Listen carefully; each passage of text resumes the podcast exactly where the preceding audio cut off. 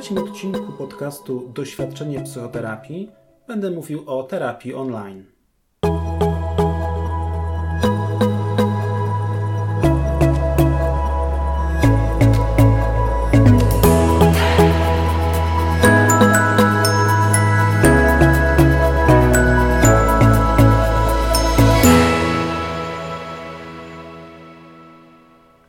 Dzień dobry, nazywam się Andrzej Wichrowski. To jest trzeci odcinek podcastu Doświadczenie psychoterapii. Odcinek ten będzie poświęcony terapii online. Bardzo się cieszę, że mogę go nagrywać. Minęło 2,5 miesiąca, odkąd opublikowałem drugi odcinek. Bardzo dużo się działo przez 2,5 miesiąca. Oczywiście największym wydarzeniem jest e, epidemia koronawirusa, która mm, no, gdzieś tam dała mi szansę też, żeby, żeby ten odcinek nagrać. E, jakoś zachęciła mnie do tego. E, I też ten temat jest właśnie związany z, z epidemią, dlatego że zdecydowana większość psychoterapeutów, jeśli tylko może, to przechodzi na, na pracę online. Nagrywam ten odcinek na raty, e, co zapewne będzie słychać. E, no ale tak się ułożyło. Natomiast cieszę się, że, że mogę to robić, że jestem zdrowy też zachęcam Państwa bardzo, żebyście robili to, co, to, co możecie. Pozostawanie w domu, częste mycie rąk dokładne, czy używanie maseczek. To są takie wielkie działania, które możemy robić, żeby e, tę epidemię powstrzymywać. W tym czasie e, ukazał się podcast Pawła Holasa Jak nie zwariować psychoterapia w pigułce, którego można słuchać w aplikacji Audioteki. Gorąco do tego zachęcam. E, bardzo ciekawe, e, ciekawą opowieść Paweł snuje na temat psychoterapii. Oprócz tego chcę Państwu e, polecić gorąco podcast, który przygotowuje Polski Instytut Eriksonowski. To jest podcast zatytułowany Psychoterapia i hipnoza. Natomiast obecnie na tym podcaście, na kanale YouTube Instytutu i na instytutowej stronie internetowej publikowane są odcinki zatytułowane Chwila wytchnienia. I to są takie profilaktyczne sesje psychoterapeutyczne, e, które mają nam pomóc e, radzić sobie z wyzwaniami e, dzisiejszych dni. Bardzo serdecznie polecam Państwu oba te podcasty i linki do nich będą, będą umieszczone w notatkach tego odcinka. Sporo się też działo w ogródku tego podcastu.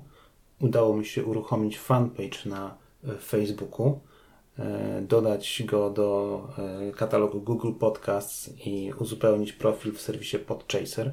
Jeśli są Państwo bardziej wkręceni w podcasty, to zachęcam do korzystania z Podchasera.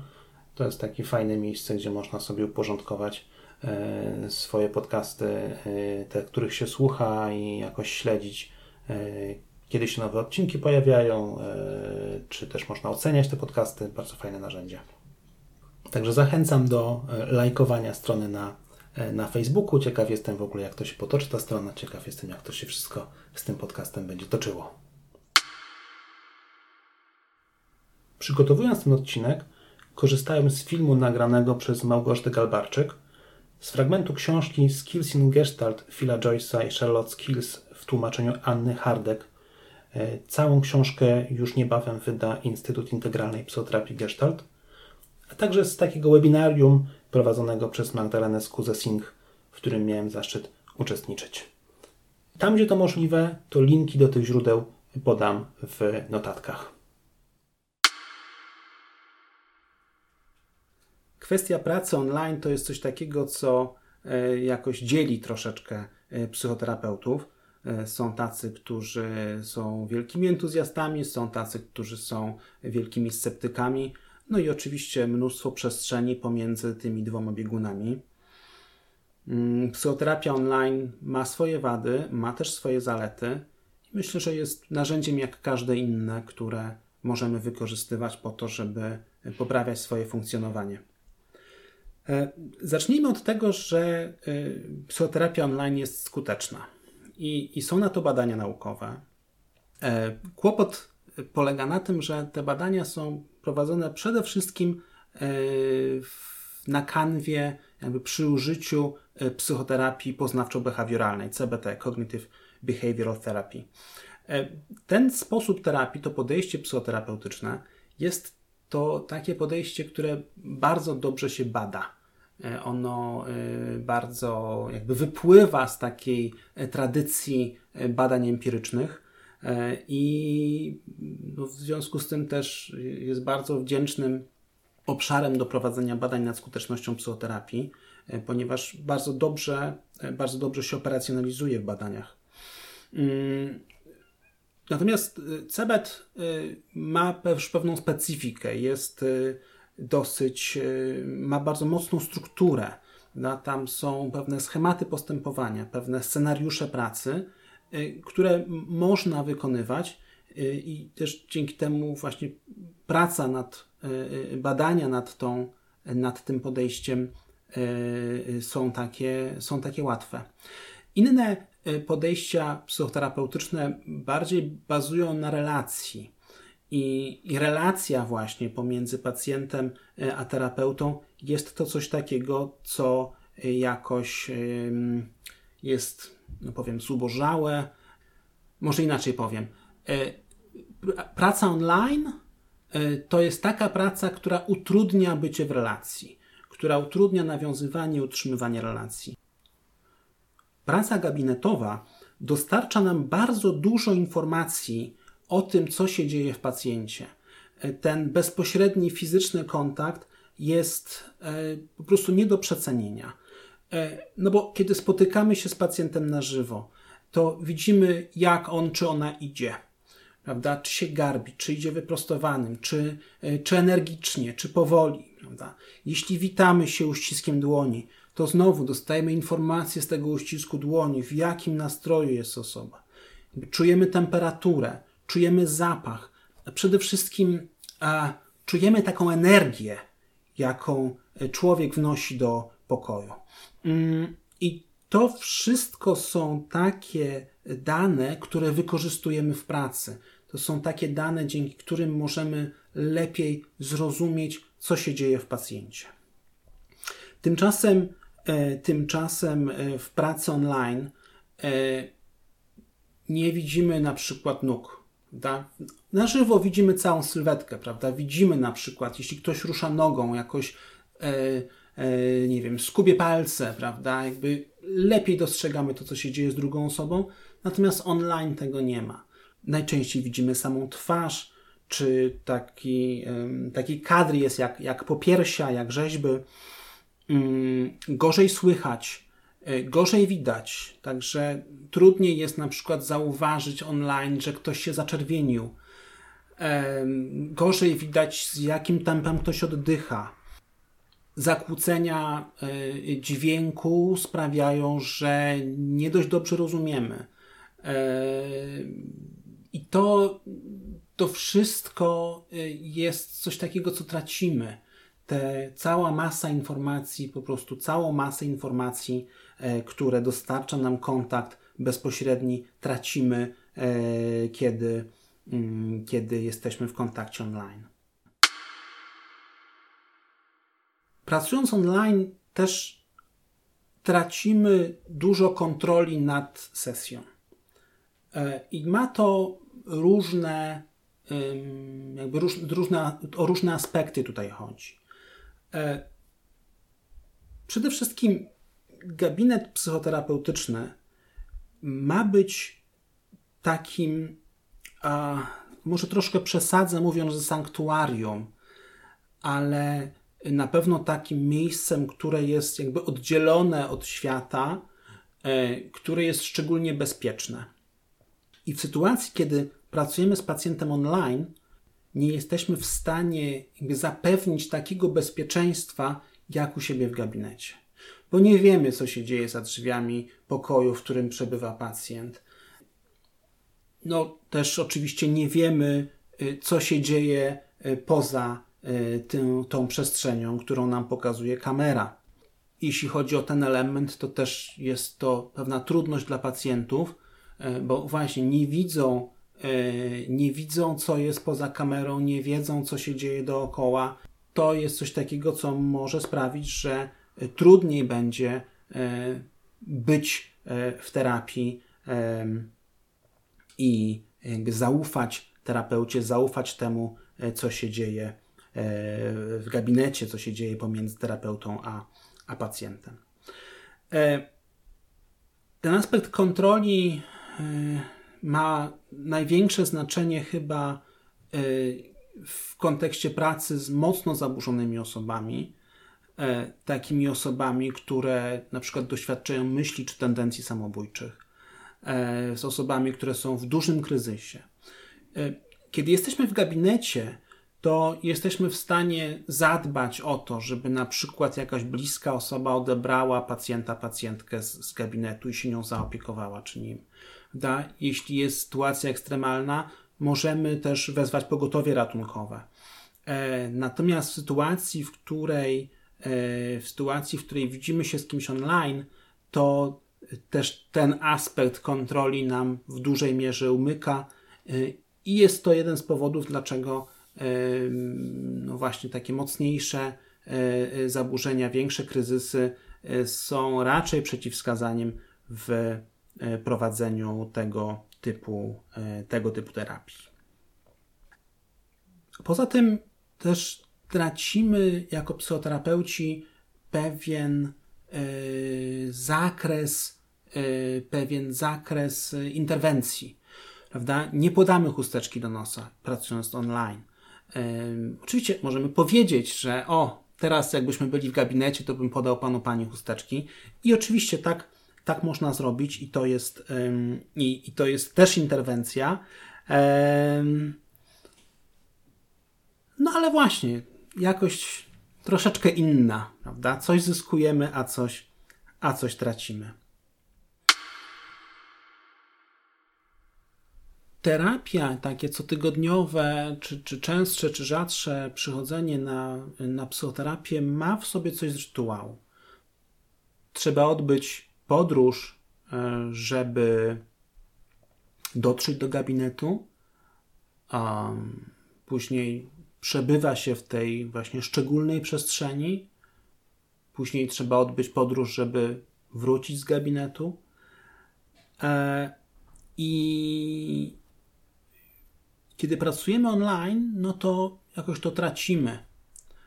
E, pacjent przebywa nie w tym terapeutycznym miejscu, tylko w swoim domu, w samochodzie, w biurze, no, tam, gdzie, tam, gdzie to jest możliwe, tam, gdzie może być.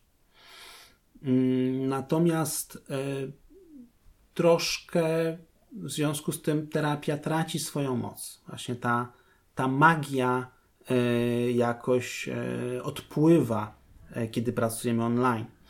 I oczywiście mm, są znowu sposoby, żeby temu zaradzić i za chwilkę będę, będę o nich mówił. Praca online w jakimś stopniu pogłębia dysocjację, czyli takie oddzielenie od tego, co się czuje, oddzielenie od świata. Mm, no, dzieje się tak dlatego, że właśnie ten kontakt pomiędzy e, terapeutą i pacjentem, pacjentką, klientem, klientką E, jest zapośredniczony przez te wszystkie techniczne urządzenia. Ta dysocjacyjny, ten dysocjacyjny charakter terapii online też jest związany z tym, że e, część naszej uwagi e, kierowana jest na ten aspekt techniczny, na ten aspekt, czy, czy wszystko działa. Poza tym, no, terapia online też ułatwia impulsywne zachowania. E, no jednak łatwiej jest rozłączyć rozmowę na komunikatorze e, niż wyjść z gabinetu. No i właśnie, to jest taka, to jest taka e, specyfika terapii online, która właśnie no nie jest dla wszystkich. Z rozmów z kolegami, koleżankami wiem, że często ludzie, i też z mojego osobistego doświadczenia, E, zdarza się, że pacjenci rezygnują, e, czy też zawieszają terapię teraz, kiedy może się ona tylko online odbywać. Jest to zupełnie zrozumiałe. E, natomiast online jest nie dla wszystkich właśnie w tym kontekście jakby skali problemów, że z osobami, które, które gorzej funkcjonują, które jakoś bardziej się zmagają, to, to terapia online niekoniecznie jest dobrym pomysłem. Ta kwestia ograniczeń, nie dla tego, że terapia online jest nie dla wszystkich, ma też taki aspekt socjalny. Godzinna sesja online to około gigabajta danych, to tak do gigabajta według moich wyliczeń. Także trzeba ten internet skąd mieć. E, trzeba mieć urządzenie, e, dzięki któremu będziemy się mogli do tego internetu podłączyć. E, musimy mieć przestrzeń na to, żeby tę sesję psychoterapeutyczną odbywać. Więc to jest potężna, potężna sprawa, która jest no, w dzisiejszych czasach przykładem dla, dla wykluczenia cyfrowego. Po prostu osoby, które są wykluczone cyfrowo, obecnie mają ogromne utrudnienia w korzystaniu z e, pomocy psychoterapeutycznej. Mówiłem o tym, że trudniej jest być w kontakcie online niż, niż w takim kontakcie na żywo. Wspominałem o kwestii jakości połączenia, na przykład kwestia opóźnienia tego przesyłu danych. To też, jest, to też jest coś takiego, co ma znaczenie. Czy to, że trudno jest, jak się pracuje online, E, patrzeć w oczy, bo patrzenie w oczy to jest tak, żeby osoba myślała, że my patrzymy jej w oczy, odczuwała, że my patrzymy jej w oczy, to musimy patrzeć w kamerkę, a nie w, a nie w oczy tej osoby. Także to wszystko są, to wszystko są takie utrudnienia. Mm, natomiast psychoterapia online jest często jedyną dostępną formą terapii i wtedy warto z niej korzystać osoby, które mieszkają za granicą, miałyby trudność w porozumieniu się z terapeutami mieszkającymi tam, czy nie, nie mające dostępu do, do terapeutów mówiących w ich języku. Bardzo wielu Polaków mieszkających za granicą z tej formy e, psychoterapii korzysta. E, ale nie trzeba być za granicą. Jeśli mieszka się gdzieś poza dużym ośrodkiem e, miejskim, to psychoterapia, wyprawa na psychoterapię może być bardzo dużą wyprawą. Tutaj pojawia się kwestia wykluczenia komunikacyjnego bardzo dobra książka Olgi Gitkiewicz na ten temat, zatytułowana Nie zdążę. E, osób, które po prostu mieszkają w małych miejscowościach i e, nie ma w ogóle PKS-u. A jeśli jest to w niedogodnych godzinach, to może utrudniać korzystanie z psychoterapii. Osoby, które są niepełnosprawne i, i znowu też w takim sensie komunikacyjnym, transportowym są jakoś wykluczone no i wreszcie takie osoby, które mm, doświadczają dużych trudności w relacji, dużego lęku, w, e, dużego lęku w relacji. E, myślę, że taka terapia online to też może być bardzo dobre rozwiązanie, e, żeby przełamać lody, prawda, żeby się wyćwiczyć. Ten kontakt online, przez to, że jest trochę dalszy, to też może być takim, takim obszarem wprawek. I myślę, że y, to wszystko, y, te, te, te trudności, te trudności techniczne, y, to jest coś takiego, co troszkę psychoterapeutów od, odstręcza, odstrasza od prowadzenia psychoterapii online. No ale mm, z drugiej strony y, jesteśmy obecnie w takiej sytuacji, że jest to jedyny sposób, czy główny sposób wykonywania, e, wykonywania tej pracy.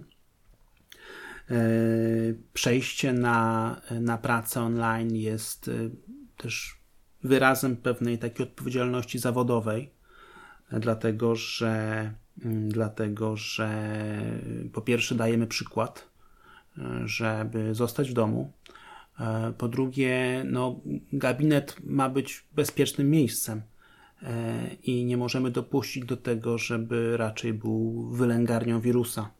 E, w związku z tym ta praca jest, no jesteśmy po prostu w jakimś sensie skazani na nią.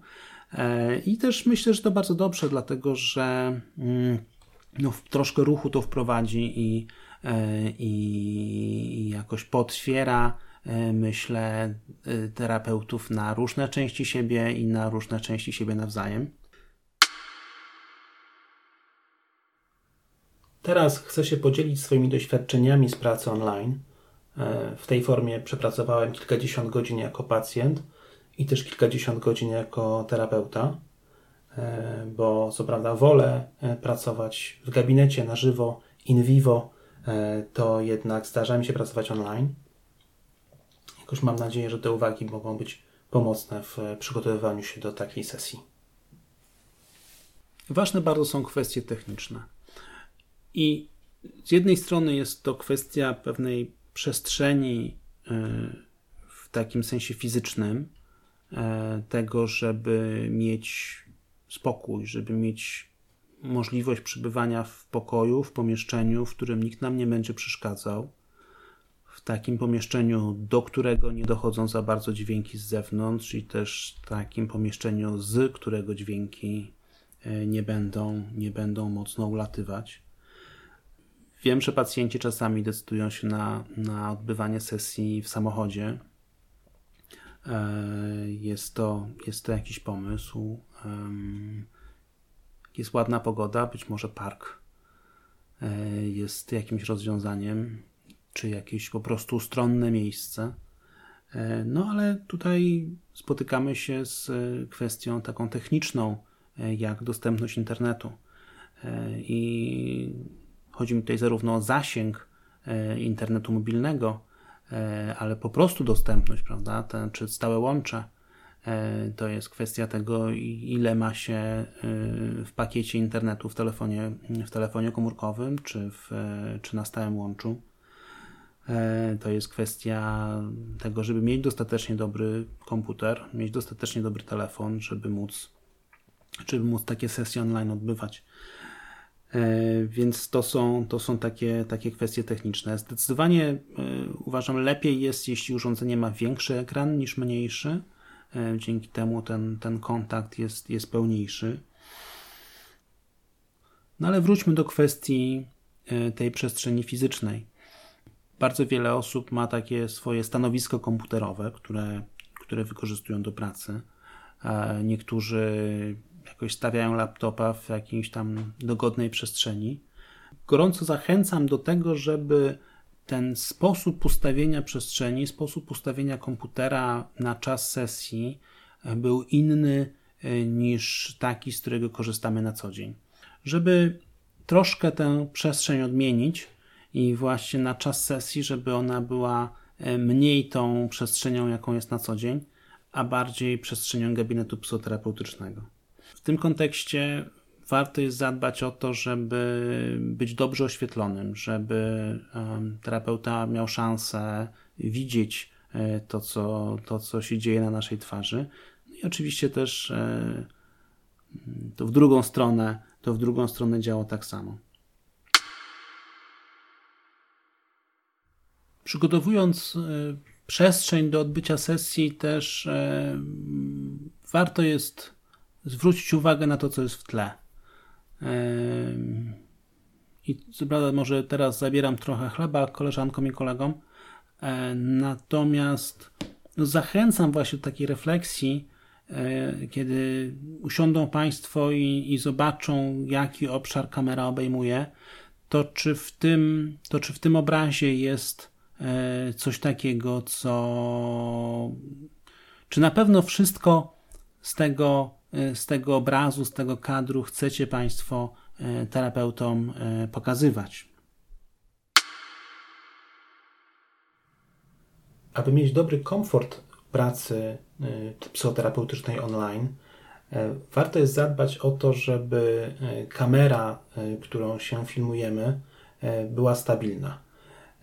Taki roztrzęsiony obraz jest bardzo trudny w odbiorze E, i myślę, że obie strony e, komunikacji warto, żeby zadbały o to, żeby ten, ten przekaz, ta forma, która dociera do, do drugiej osoby, była jak najbardziej komfortowa. Warto jest też zatroszczyć się o kwestię głośności. Ja tak pracując online w ostatnich dniach zauważyłem, że bardzo dużą głośność sobie ustawiam i że mnie to męczy potem jakoś, e, jak zaobserwowałem, to troszkę ściszyłem i okazało się, że ta praca online jest dużo łatwiejsza niż, niż była wcześniej. Warto jest skorzystać ze słuchawek, e, dlatego że dzięki temu będziemy lepiej odgrodzeni od tego, co jest w tej fizycznej e, bliskości, a bardziej będziemy w tym kontakcie online'owym lepiej skupieni. Także to jest też coś, co bardzo pomoże. No i pozostaje jeszcze pytanie, kto do kogo dzwoni. Czy pacjent do terapeuty, czy terapeuta do pacjenta. Mi jest bliższa ta pierwsza opcja, dlatego że lepiej odtwarza ona tę sytuację gabinetową. Kiedy pacjent przychodzi do gabinetu i z tego, z tego względu właśnie pacjent dzwoni do psychoterapeuty, natomiast oczywiście to jest coś takiego, co, co każdy może sobie yy, ustalić, w każdej relacji można to sobie ustawiać. Warto jest mieć moim zdaniem też telefon w, w, jakby w backupie, że się tak wyrażę, e, na podorędziu, po to, żeby jeśli będą jakieś kłopoty e, techniczne, to, e, to móc też skorzystać z telefonu, żeby jakoś tam się skontaktować, czy, czy dokończyć sesję. Kwestia oprogramowania jest to coś takiego, co uważam trzeba sobie indywidualnie z terapeutą ustalić. To, co jest ważne, to to, żeby to oprogramowanie e, szyfrowało dane i szyfrowało te dane w taki sposób, że one są szyfrowane od jednej osoby do drugiej, że nigdzie po drodze e, nie są jakby rozszyfrowywane, że nikt tego nie podsłuchuje. E, Messenger na przykład w tym obszarze jest bardzo złym rozwiązaniem, dlatego że Facebook analizuje treść rozmów Messengera po to, żeby lepiej, żeby więcej wiedzieć o użytkownikach i żeby jakby skutecznie im reklamy dobierać. Zoom jest tutaj bardzo dobrym rozwiązaniem, ale są też inne e, i jakoś myślę, że, że to jest coś, co trzeba sobie z terapeutą ustalić. Bo z jednej strony mamy kwestię bezpieczeństwa przesyłu danych, a z drugiej strony y, jest, tu, jest to kwestia mm, też wygody użytkowania. I, i czasem y, po prostu kwestia nauczenia się nowego programowania może być kłopotem, więc te kwestie programowania to jakoś tam y, każdy sobie będzie tak rozwiązywał, żeby było, żeby było najlepiej. Pracując online łatwo jest ulec pokusie, żeby e, coś sprawdzić, prawda? Że mamy na końcu języka coś, o to sprawdzę sobie w internecie, się upewnię. Um, łatwiej jest taką pokusę, żeby, nie wiem, zapalić się papierosa, czy, um, czy zwykłego papierosa. Natomiast jeśli miałbym coś radzić, to chyba, żeby um, na sesji online się zachowywać tak, jakbyśmy się zachowywali w gabinecie E, i najwyżej omawiać to z terapeutą. No i na koniec jeszcze taka kwestia hmm, też tej przestrzeni, tego co nazwałem sanktuarium, czy taką strefą, przestrzenią psychoterapii. Ja, I to jest moje osobiste bardzo doświadczenie z tych sesji online, kiedy byłem pacjentem. E, uważam, że to jest nadzwyczaj ważne, żeby mieć pewien rytuał y, przyjścia i powrotu z terapii. Y, I to trochę może być spacer, to mogą być jakieś ćwiczenia fizyczne, y, nie wiem, taniec, nie wiem co. Natomiast bardzo cenny jest sobie taką, taką drogę stworzyć do gabinetu i z gabinetu, nawet jeśli E, nasza domowa przestrzeń, czy e, nawet jeśli to nasza domowa przestrzeń ma być na tę godzinę e, półtorej gabinetem psychoterapeutycznym. No i to już koniec tej merytorycznej części odcinka. Bardzo serdecznie dziękuję za, za uwagę. Zachęcam do spojrzenia do notatek tego odcinka. Tam są linki do, do źródeł, które wykorzystywałem, ale też do tych podcastów, o których wspominałem na początku. Jeśli podobało się Państwu, polećcie znajomym. Dziękuję serdecznie za uwagę i do usłyszenia w kolejnym odcinku.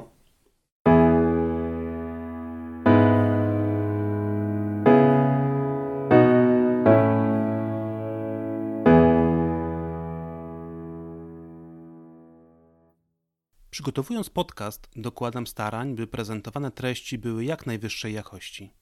Nie daję jednak żadnej gwarancji, że są one dokładne, poprawne lub zgodne z aktualną wiedzą naukową czy sztuką psychoterapii. Nawet jeśli treści zawarte w podcaście lub na stronie internetowej są zgodne z aktualną wiedzą medyczną lub sztuką psychoterapii, mogą nie mieć zastosowania do konkretnego przypadku. Informacje zawarte w podcaście mają charakter ogólny i nie mogą zastępować porady osoby mającej udokumentowany status specjalisty danej dziedziny.